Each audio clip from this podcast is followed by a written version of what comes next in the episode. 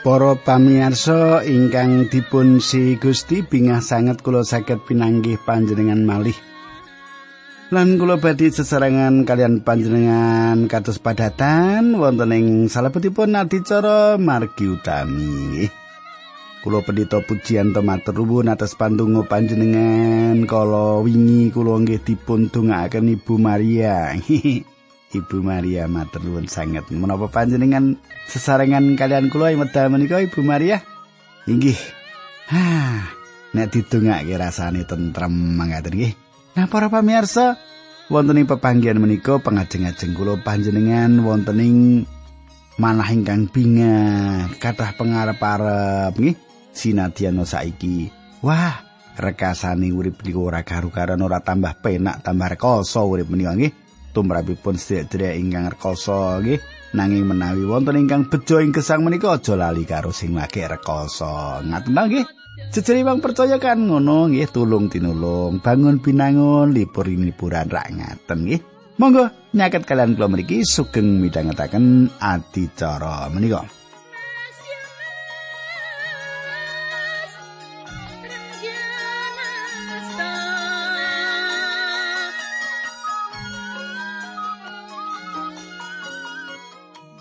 Para pamirsa kepengker kita sampun nyemak kados pundi Paulus damel utawi mbedakaken antawisipun mangsa peparingipun angger-angger Musa kalian mangsa sih rahmat ingkang sak menika kita gesang kita tampeni dinten menika.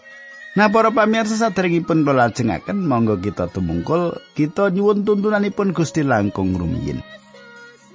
Duh Kanjeng Rama ingkang wonten ing kasuwarken ingkang kula sambat seputi wonten ing asmanipun Gusti kawula Yesus Kristus. Kawula ngaturaken gunging panuwun menawi wekdal menika kawula saged tetunggilan kalian sederek-sederek kawula ingkang setya tuhu midhangetaken adicara menika. Kawula nyuwun berkah patuko linambaran asmanipun Gusti Yesus Kristus kawula netunggal haleluya. Amin.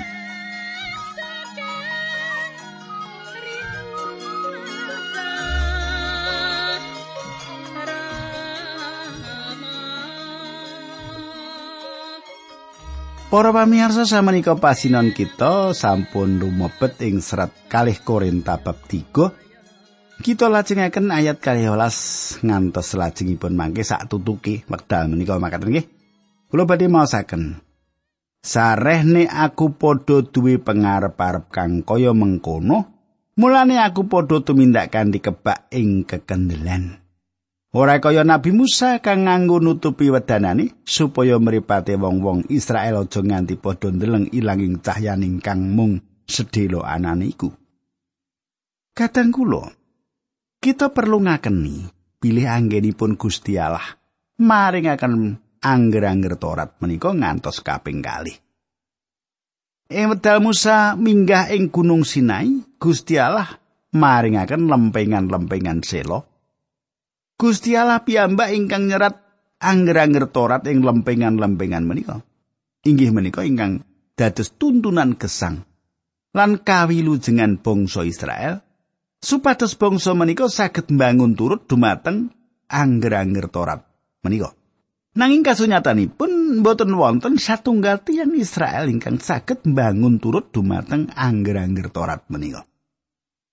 Lan bangsa menika badhe dipun adili kanthi angger-angger Torat menika tentunipun.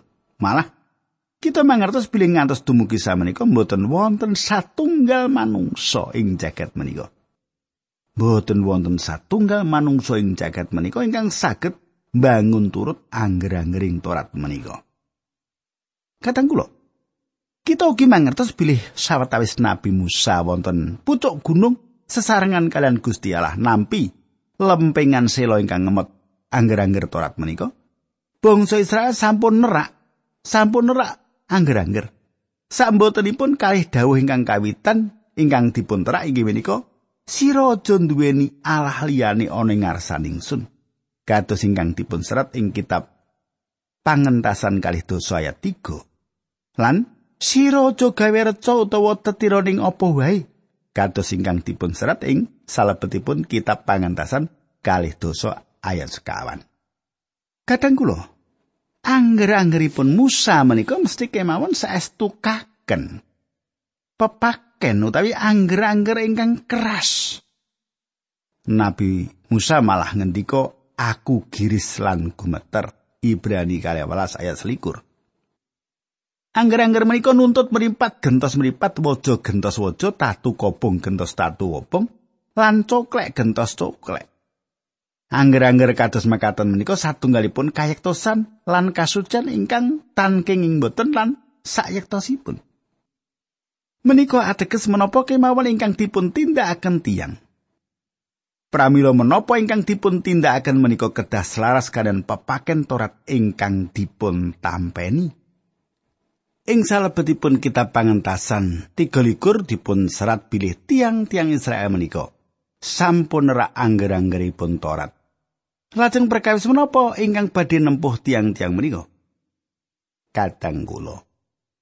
Kita nyemak pilih Gusti Allah paring dawuh dumateng Nabi Musa supados inggal-inggal mandap lan manggi tiang-tiang Israel menika. Lajeng menapa ingkang dumados? Ewedan Nabi Musa mandap saking gunung, saking katepian Nabi Musa saged ningali tiang-tiang Israel nerak kalih dawuhipun Allah ingkang kawitan lan Nabi Musa mboten sanggup beto mlebet lempengan-lempengan angger-angger Torat ingkang dipun tampi saking Gusti menika dateng salebetipun kemah. Kenging menapa?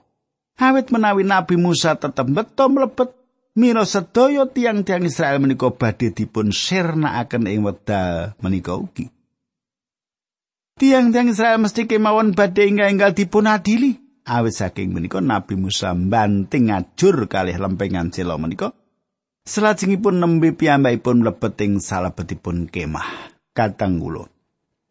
Ing wekdal Nabi Musa wangsul minggah Gunung Sinai ing ngarsanipun Gusti Allah.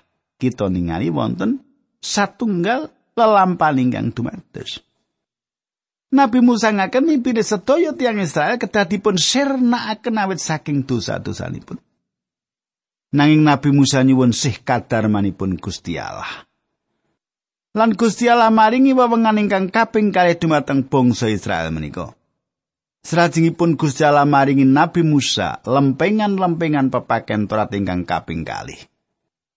Nabi Musa samenika mangertos bilih Gusti Allah maringaken pepaken Torat menika kanthi sih kadarman lan sih rahmat. Saripati saking pepaken Nabi Musa inggih menika tabernakel lan pepaken pangorbanan ingkang badhe dados landesan nyaketi Gusti Allah inggih menika sarta ora ana pangapura menawa tanpa wutaing getih Ibrani 9 ayat 22 nanging wonten seratan Jalanan tanpa kasucen siji wae ora ana kang bakal ndeleng Gusti Allah. Ibrani kalih welas ayat 18. Kados pundi caranipun kita mlebet ing ngarsanipun panjenenganipun? Gusti Allah badhe nyawisaken margi kangge kita, lan Gusti Allah pasti panci mbikak margi. Saestu satunggalipun wahyu ingkang luhur lan ngiram-iramaken, mboten gumun menawi wedananipun Nabi Musa sumunar. Kadang kula, ing wekdal Nabi Musa mandap saking gunung. Nabi Musa meto lempengan-lempengan selo ingkang kaping kali ingkang isinipun pepaken Torat, angger-angger Torat. Ingkang dados pelatusan ingkang mimpin dumateng paukuman lan pati, ingkang nuntun kayektosan manungsa ingkang boten saged dipun damel piyambak.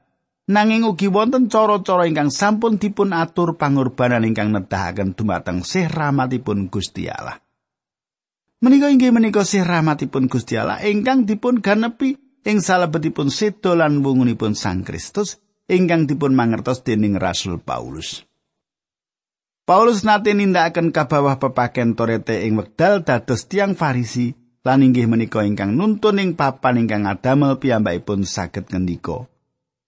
Lan dumunung ana ing panjenengan iku ora merga saka kabeneranku dhewe kang jalaran saka nglakoni angger-anggering Torat ananging marga saka pracaya marang Sang Kristus yaiku kabeneran peparingi Gusti Allah ada dasar pracaya. Filipi 3 ayat 9. Salajengipun wonten pelatusan ingkang nuntun dumateng gesang lan ingkang luhur inggih menika Injil. Katang kula. Pepaken Torat menika luhur. Pepaken Torat menika nawakaken margi kawilujengan dumateng manungsa nanging manungsa sanget dening ringkih kangge nglampahi sedaya tuntutanipun. Ingkang dados keparengipun Gusti Allah inggih menika margi gesang ingkang luhur nanging tumrap manungsa menika dados peladusan ingkang nuntun dumateng pati awit kahananipun manungsa ingkang ical. Nanging kaluhuran sih rahmatipun Gusti Allah ingkang dipun ganeping salebetipun Sang Kristus. Panjing nggih menika pelados ingkang nuntun dumateng kaluhuran. Ing salebetipun ayat sanesipun dipun sebat Injil luhur saking Gusti Allah ingkang pinuji. Tembung berkaliripun kabejan Gusti Allah ingkang kebak kabejan. Menapa ingkang adamel Gusti Allah kebak kabejan utawi bahagia Perkawis ingkang adamel Gusti Allah kebak kabejan inggih menika panjenenganipun menika kekasih manungsa lan panjenenganipun sugih ing salebetipun kemirahan. Kadarman. Gusti Allah ngersakaken milu jengaken manungsa. Ing salebetipun kitab Mika 7 ayat 12 dipun serat Allah ingkang pundi ingkang nyameni paduka. Ingkang ngapunten dosa saha ingkang ngapunten panraipun kekantunaning bangsa kagunganipun piyambak ingkang boten saged tahan dateng bebentunipun ing salajengipun nanging ingkang rena dateng sih palimirna. Sanes kersanipun Gusti Allah ingkang adamel keluarga manungsa ing pundi papan kesasar. Nabi Yeskiel ngendika, "Sira tuturo marang wong-wong iku." Demi ingsun kang kesang mangkono pangandikane Pangeran Yehuwa, ingsun ora ngarsakake patine wong duraka. Nanging ingsun ngersakake pamratobate wong duraka supaya urip. Padha mertobato, padha sumingkira saka ing lakune ingkang ala iku, ya gene, sira bakal padha mati, he para turune Israel. Yeskiel 3 ayat 11. Para pamiyasa, Gusti Allah ngersakaken milu jengaken. Milu jengaken manungsa inggih menika satunggalipun perkawis ingkang adamel Gusti Allah menika rumaos bejo. Kita gadah Gusti Allah ingkang ngraosaken kabejan. Perkawis menika maringi gegambaran luhur kangge kita. Para pamirsa, ing medal Nabi Musa mandhap saking gunung ingkang kaping kalihipun wonten abingah-bingah ing salebeting manahipun lan wedananipun sumunar. Ing medal menika wonten satunggal cara kangge tiyang Israel sepatus mlebet ing ngarsanipun Gusti Allah inggih menika lumantar atur cara pangorbanan. Tutup ingkang dipun angge Nabi Musa ingkang kangge nutup wedananipun mboten awit wedananipun ngemu cahya kanthi wontenipun kamulyan kanthi makaten tiang Israel mboten saged ningali Nabi Musa. Ingkang dados jalananipun awit kamulyan menika wiwit mleret. Nanging kasunyatan pilih wedananipun Nabi Musa ngemu cahya inggih menika satunggalipun perkawis ingkang mulya. Nanging kamulyan menika wiwit mleret. Samenika kalih Korinto bab 3 ayat 18 Nanging budine wong-wong iku wis padha dadi ketho sebab nganting dina iki tutup iku mau isih tetep nutupi wong-wong mau. Pamacane perjanjian lawas tanpa kaungkapan merga mung Sang Kristus piyambak kang bisa ngicali tutup iku. Panjenengan tingali dipun pratelaken bilih budinipun tiang-tiang menika dados ketul. Tutup ingkang dipun anggen Nabi Musa inggih menika tutup ingkang nutupi budi umat kinanipun Gusti Allah. Tutup menika tasih tetep wonten ing kasunyatanipun umat menika mboten mangertos bilih Sang Kristus menika pungkasanipun saking angger-angger Torat kangge kayektosan. Tiang-tiang mboten mangertos bilih Sang Kristus menika pangganepipun papaken Torat sawetahipun. Budi ingkang ketul menika tasih wonten ing pikiranipun ing pasal salajengipun kita badhe sinau bilih ilah jaman menika. Nutup pikiran budi tiang-tiang kang boten pitados. Lan kita badhe ningali kenging menapa perkawis menika. Wonten. Kita lajengaken ayat kang 11 malah nganting dina iki saben maca kitab Musa isih ana tutup kang nutupi atine para pamirsa E medal tiang-tiang menika maos pepaken Torat Saetosipun tiang-tiang menika gadah pikiran bilih piyambakipun saged nindakaken pepaken Torat menika. Nanging kanthi maos perjanjian lami kita mboten manggihaken keyakinan ingkang panjenengan ajeng-ajeng wonten ing manahipun lan pikiran umat Allah. Malah Daud ngaturaken sawetawis pitakenan. Ayub nglampahi bingung ingkang ngidapi-dapi. Yeskiel ngadep tembok lan nangis sing medal kedah ngadepi pati. Nanging ing jaman Sih Rahmat. Ing pundi panjenengan lan kula gesang menika malah tiang suci ingkang paling ringkih pitados bilih Gusti Yesus gadah jaminan sawetahipun tiang menika nampi kasampurnanipun Gusti Allah awit percaya Gusti Yesus tiang menika badhe nampeni kasampurnanipun Gusti Allah kita lajengaken ayat 16 Nanging wong kang mertobat marang Gusti iku tutup banjur kasinggirake. Para pamirsa panjenengan semak. Ing wedal manah mertobat dumateng Gusti Yesus Kristus. Pramila tutup menika badhe kasingkiraken saking tiang menika perkawis manungsa sayatosipun perkawis manah. Manungsa menika dipun wutakaken dening dosa ingkang wonten ing salebeting gesangipun.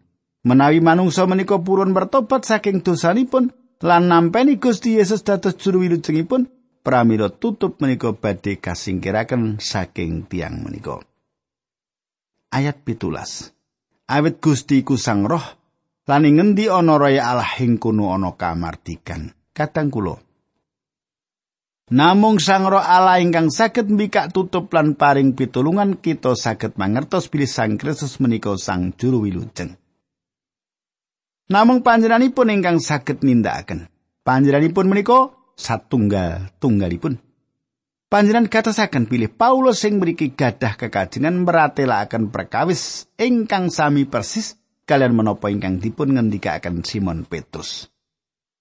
Makaten, kegayutan karo panjenengani Nabi atur paseksi yen sapa wae kang percaya marang panjenengani wong iku bakal nampani pangapuraning dosa awit saka asmani. Petrus sanjang makaten. Menawi panjenengan boten ningali Gusti Kristus ing salebetipun perjanjian lami, Sang Roh Allah sanes guru panjenengan. Awit Sang Roh Allah nuntun panjenengan ing papan kamardikan. Panjenengan boten mapanaken panjenengan ke bawah pepaken. Panjenenganipun nguwalaken panjenengan saking angger-angger lan nuntun panjenengan dumateng Sang Kristus. Kita lajengaken ayat 12. Lan kita kabeh iki padha ngatonake kamulyane Gusti kalawan rai kang ora katutupan kaya ana ing pangilon sarta padha kasalinan rupa madani pasemone iku kalawan kamulyan kang mundak-mundak kang asali saka Gusti kang asipat roh Para pamirsa Ayat kitab suci menika saestu ngidapi-dapi. Paulus meratelaken kegayutan tutup ingkang nutupi manah. Lan wedal kita mertobat dumateng Sang Kristus tutup menika kasinggiraken. Samenika minangka jejeripun tiang pitados sumawang dumateng Gusti Yesus Kristus. Nanging sinaosa dados tiang pitados, mripat kita tasih katutupan menawi tasih wonten dosa ing salebeting gesang kita. Nanging para pamirsa menawi dosa menika dipunakeni lan kita wonten ing salebeting patunggilan kalian panjenenganipun, kita sumawang dumateng panjenenganipun. Salajengipun kita kanthi mripat dinar buka utawi praupan ingkang boten katutupan ningali kaluhuran Gusti kados ing salebeting pangilon gagasanipun boten mantulaken kanthi kekajengan ngribah nanging ningali ngantos dipun ribah. Pramila kita saged memper kalian gambar panjenenganipun manut kula panjarwa ingkang pasinggi menika kita ndeleng kaya ing sajroning pangilon kamulyan Gusti dirubah dadi gambar kang padha ing sajroning kamulyan kang tambah gedhe kang tumekane saka Gusti kang disalini rupa. Kula dereng nate ningali tiang suci ingkang nate dipun salini rupi. Panjenengan semenawi pangandikanipun Gusti Allah menika pangilon ingkang kedah kita sendeni lan kita suminde Gusti Allah suminde Sang Kristus. Inggih menika alasanipun kenging menapa kita mbetahaken manunggal ing salebetipun pangandikanipun Gusti lan suminde dumateng Gusti Yesus. Ing salebetipun suminde ing panjenenganipun panjenenganipun dipun ribah kanthi tembung sanes pangandikanipun Gusti nindakaken ingkang langkung saking namung ninggalaken panjenengan. Kita dipun ninggalaken dening Sang Roh Allah lumantar pangandikanipun Gusti. Jalaran kowe wis padha kalairake meneh ora saka wiji kang bisa sirna nanging kang langgeng dening pangandikaning Allah kang gesang lan kang langgeng. Setunggal Petrus tunggal ayat 3 likur. Pangandikanipun Gusti ugi ngribah kita menika saestu penting. Kadang kula Kulo gadah pengajeng-ajeng. Kulo gadah pengajeng-ajeng. Supados menapa? Supados kita kata nyawisaken wekdal ningali pangilon. Langkung kata ningali Sang Kristus wonten ing gesang kita. Ngaten lho nggih. Ing salebetipun pangandikanipun Gusti Allah kita ningali panjenenganipun. Gusti Yesus sanes satunggalipun bintang ingkang ngidapi-dapi. Panjenenganipun menika sanes manungsa limrah. Ing salebetipun pangandikanipun Gusti kita ningali Sang Kristus ingkang boten dipun tutupi. Kados menapa ngidapi-dapi panjenenganipun menika? Wonten juru khotbah naminipun Iron Said cariyos wonten tiang Skotlandia ingkang sampun sepuh ingkang namung saged turun kemawon gesangipun kebak panandang meh pecah. Dokter nyukani mangertos piyambakipun bilih nyawanipun boten badhe dangu. Wonten rencangipun ingkang ginakaken wewangan pinanggih kalian tiang sepuh menika. Rencang kalawa sanjang. Tiang-tiang sanjang menawi panjenengan boten dangu malih gesang. Pas sanget sanjang ingkang kados makaten menika dumateng tiang ingkang meh pecah. Pas sanget ya ngono kuwi nggih. Salajengipun Sanjangipun rencang menika kula ndedonga panjenengan saged ningali sinaosa namung sekedheping netra. Wedananipun Sang Juru Slamet ingkang pinuji ing medal panjenengan mandhap ing alam palimengan. Salajengipun kadang kula tiyang ingkang badhe pecah menika ngangkat sirahipun lan nglempakaken tenagaripun lajeng nyukani wangsulan. Panjenengan supaya akan ningali ingkang namung sak kedheping netra menika panjenengan supaya akan Kulo menika sak dangunipun kawan dosa taun. Sampun ningali wedana panjenenganipun sak wetahipun. Lan kula saestu cuwa ing manah kula gegayutan pitutur panjenengan menika. Panjenengan sama. Kados menapa endahipun menawi kita saged ningali Gusti Yesus Kristus ing jaman menika ing salebeting gesang kita. Para pamirsa. Saged ugi panjenengan nate mirengaken cariyos Natania haton kekayutan rai sila ageng. wonten lare jaler gesang ing satunggalipun desa ingkang wonten selo ageng kados dene rai lan selo menika dipun sebat rai watu gedhe Tiang-tiang sami pitados dongeng menika bilih ing satunggalipun wekdal mangke wonten tiang ingkang badhe mlebet dusun menika. Ketinggal dados rai selo ageng menika. Tiang menika badhe nindakaken perkawis-perkawis ingkang ngidapi-dapi kangge desa menika. Lan dados sarana kaasokakenipun berkah ageng. Charles menika saestu estu nyang lare jaler menika. Ing saumuripun lare jaler menika nyawang rai silo ageng menika ing saben wonten wewenngan lan piyambakipun bayangaken biling satunggalipun wekdal wonten priyantun ingkang gadah wedana ageng dumugi ing desanipun. Taun tambah taun lan wekdal sampun kelangkungi kathah lan lare jaler menika dados nem-neman lan salajengipun dados sepuh. Lari jaler ingkang sampun dados tiang sepuh menika melampah kanthi sempoyongan ing wekdal wonten tiang ingkang dengenge. Ningali piyambakipun lumampah tumuju piyambakipun bengok wong iku wis teko rai watu gedhe ana kene. Tiang menika sampun ningali rai selo ageng ing salebetun wedal ingkang saestu dangu kanthi makaten kasunyatanipun wedananipun menika ingkang memper para pamirsa cupi panjenengan pirengaken menapa panjenengan ngersakaken kados dene Sang Kristus Panjenengan kedah nyisihaken wekdal kangge ningali Gusti Yesus kula emut ing wekdal satunggalipun dosen ngendhekaken anggen kula sami ngitung. Ngitung kula ngeten. Sisihna wektu kanggo nyucikake badan maturo karo Gustimu ingkang karipta widian dong lon stop. Dosen menika sanjang ganti, ganti lare kang kawitan kuwi. Kita ngitung ini. Nyisihna wektu kanggo ndeleng panjenengani. Para pamirsa, menapa panjenengan ngersakaken dados suci? Menawi nggih, mboten wonten margi sanes panjenengan ningali panjenenganipun Tingali Gusti Yesus Kristus, tingali kanthi saestu wedananipun Gusti ingkang saestu estu ngira-miramaken menika. Lan samu kawis sing jagat menika dados surem ing salebetipun cahya kamulyaning lan sih rahmatipun. Kula mbetahaken sunar menika. Kula gadah pengajeng-ajeng kuwi ngraosaken perlunipun ningali Gusti Yesus Kristus ing kitab suci supados panjenengan dados langkung kados dene panjenenganipun. Para pamirsa monggo kita tumungkul kita ndedonga. Dukanyo Rama ing swarga kawula ngaturaken gunging panuwun nayokta menika kawula saged tetunggilan kalian sedherek kawula.